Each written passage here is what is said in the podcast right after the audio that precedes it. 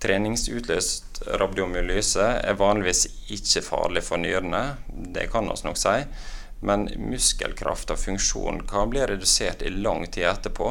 Og det er egentlig det motsatte av det en er ute etter med intensiv treningsøkt.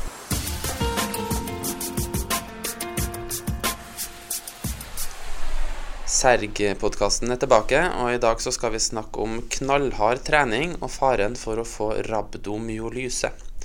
Rabdomyolyse det innebærer akutt og omfattende ødeleggelse av muskelceller. Og De siste årene så har det vært en god del saker i media om enkeltpersoner som har blitt lagt inn på sykehus med denne sykdommen etter ei skikkelig hard treningsøkt. Jeg har med meg Serg-stipendiat og nyrelege Knut Asbjørn Riise Langlo i dag. Hva er det som skjer i kroppen til en person med treningsutløst rabdomyolyse?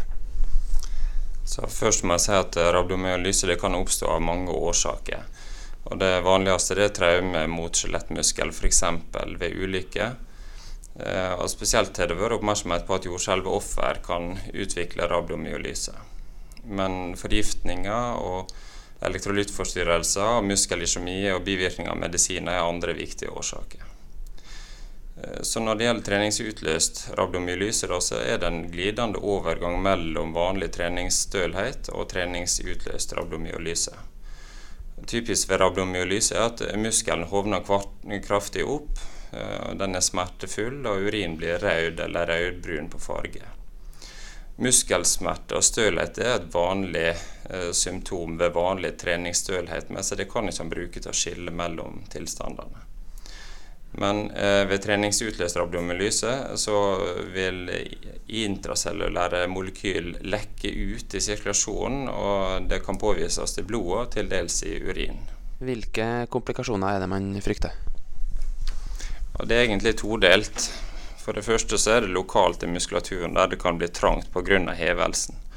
Skjelettmuskulaturen ligger i avgrensa bindevevsrom, såkalte muskellosjer. Og ved kraftig opphovning så kan sirkulasjonen lokalt bli trua, og større muskelgrupper kan gå til grunne. Det kaller han compartment syndrom. Og For å forhindre det så må han av og til spalte opp muskellosjene. Og det er i så fall ortopedene som gjør. Eh, men systemisk så blir kroppen påvirka av utslipp fra muskulaturen. Spesielt blir nyrene påvirka av myoglobin, som det kan bli store mengder av i sirkulasjonen ved rabdomyolyse. Problemet er at myoglobin er så lite at det blir filtrert fritt ut gjennom nyrene. Og da kan myoglobin i høye konsentrasjoner være direkte toksisk på nyreepitelet i rørsystemet i nyrene. Og store mengder myoglobin kan ha en tendens til å felle ut og tette til avløp i nyrene. Og det gir akutt nyresvikt. Hvilke kriterier er det som eh, må være oppfylt for å få stilt eh, diagnosen? Ja, Det eksisterer ulike diagnostiske kriterier og cutoffer, men i vanlig klinisk praksis så bruker en ofte muskelenzymet keratinkinase, eller CK, som en del av kriteriene. Og Da sier han at enten så må CK være over 5-10 ganger øvre referanseområde, eller over 5000 enheter per liter. I tillegg så må det foreligge uttalt muskelsmerte og påvist forhøya nivå av myoglobin eller myoglobin i urin. Og Basert på en studie som dere nettopp har publisert i Tidsskrift for Den norske legeforening, hvor vanlig er det å få disse tingene etter ei hard treningsøkt? Basert på vår undersøkelse så er det veldig vanlig å få eh, betydelig CK-stigning etter hard treningsøkt. Men også undersøkte deltakerne først fire dager etter Eh, treningsøkta, og da er ofte myoglobin-nivået falt igjen, sånn at vi kan ikke si sikkert hvor vanlig det er å faktisk ha myoglobin i tillegg. Så, men det ser ut som det er vanlig forekommende etter hard trening.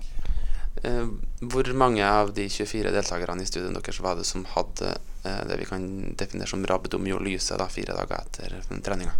Tre av deltakerne. Tre av 24. Si litt mer, er det, er det noen som er mer utsatt enn andre? Ja, det, det, er velkjent at det er lettere å få rabdomyolyse eh, og for så vidt generell treningsstølhet hvis en eh, tar i bruk en muskulatur som er uvant til den aktuelle belastninga.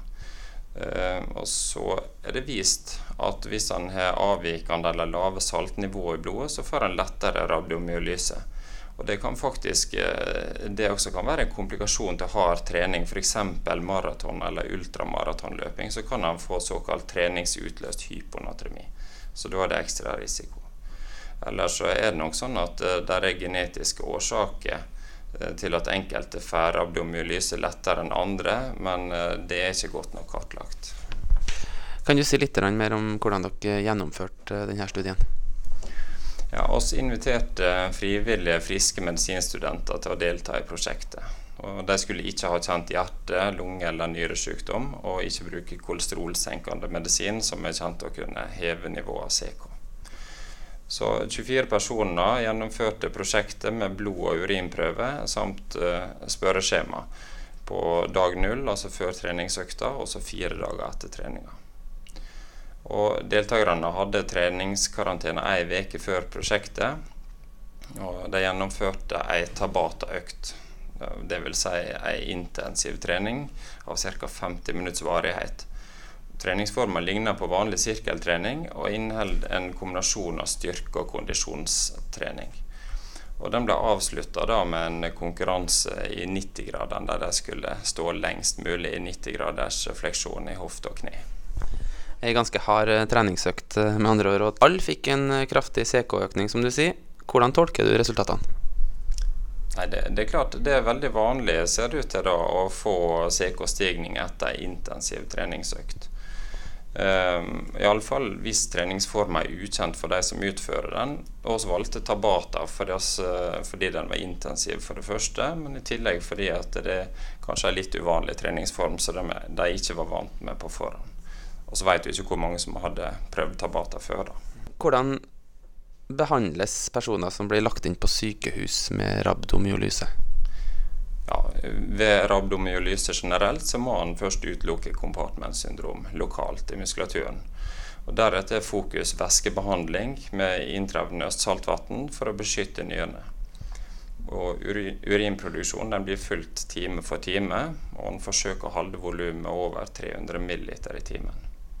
Av og til kan væskebehandlinga være en belastning for pasienten, og spesielt for pasienter med hjertesvikt eller eh, de som har nedsatt nyrefunksjon, enten fra før eller fordi de har fått det pga. rabdomyolysen. Og Da må man av og til bruke vanndrivende i tillegg til væsketilførselen for å holde myoglobinet løst. Så Målet er at myoglobinet skal være løselig og gå ut i urin i stedet for å felle ut og gi nyreskade.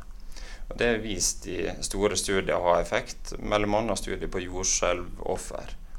Behandlinga fortsetter frem til CK er under 5000 og det ikke kan påvises myoglobin i urin. Det kan ta mange dager, enkelte tilfeller opptil uker.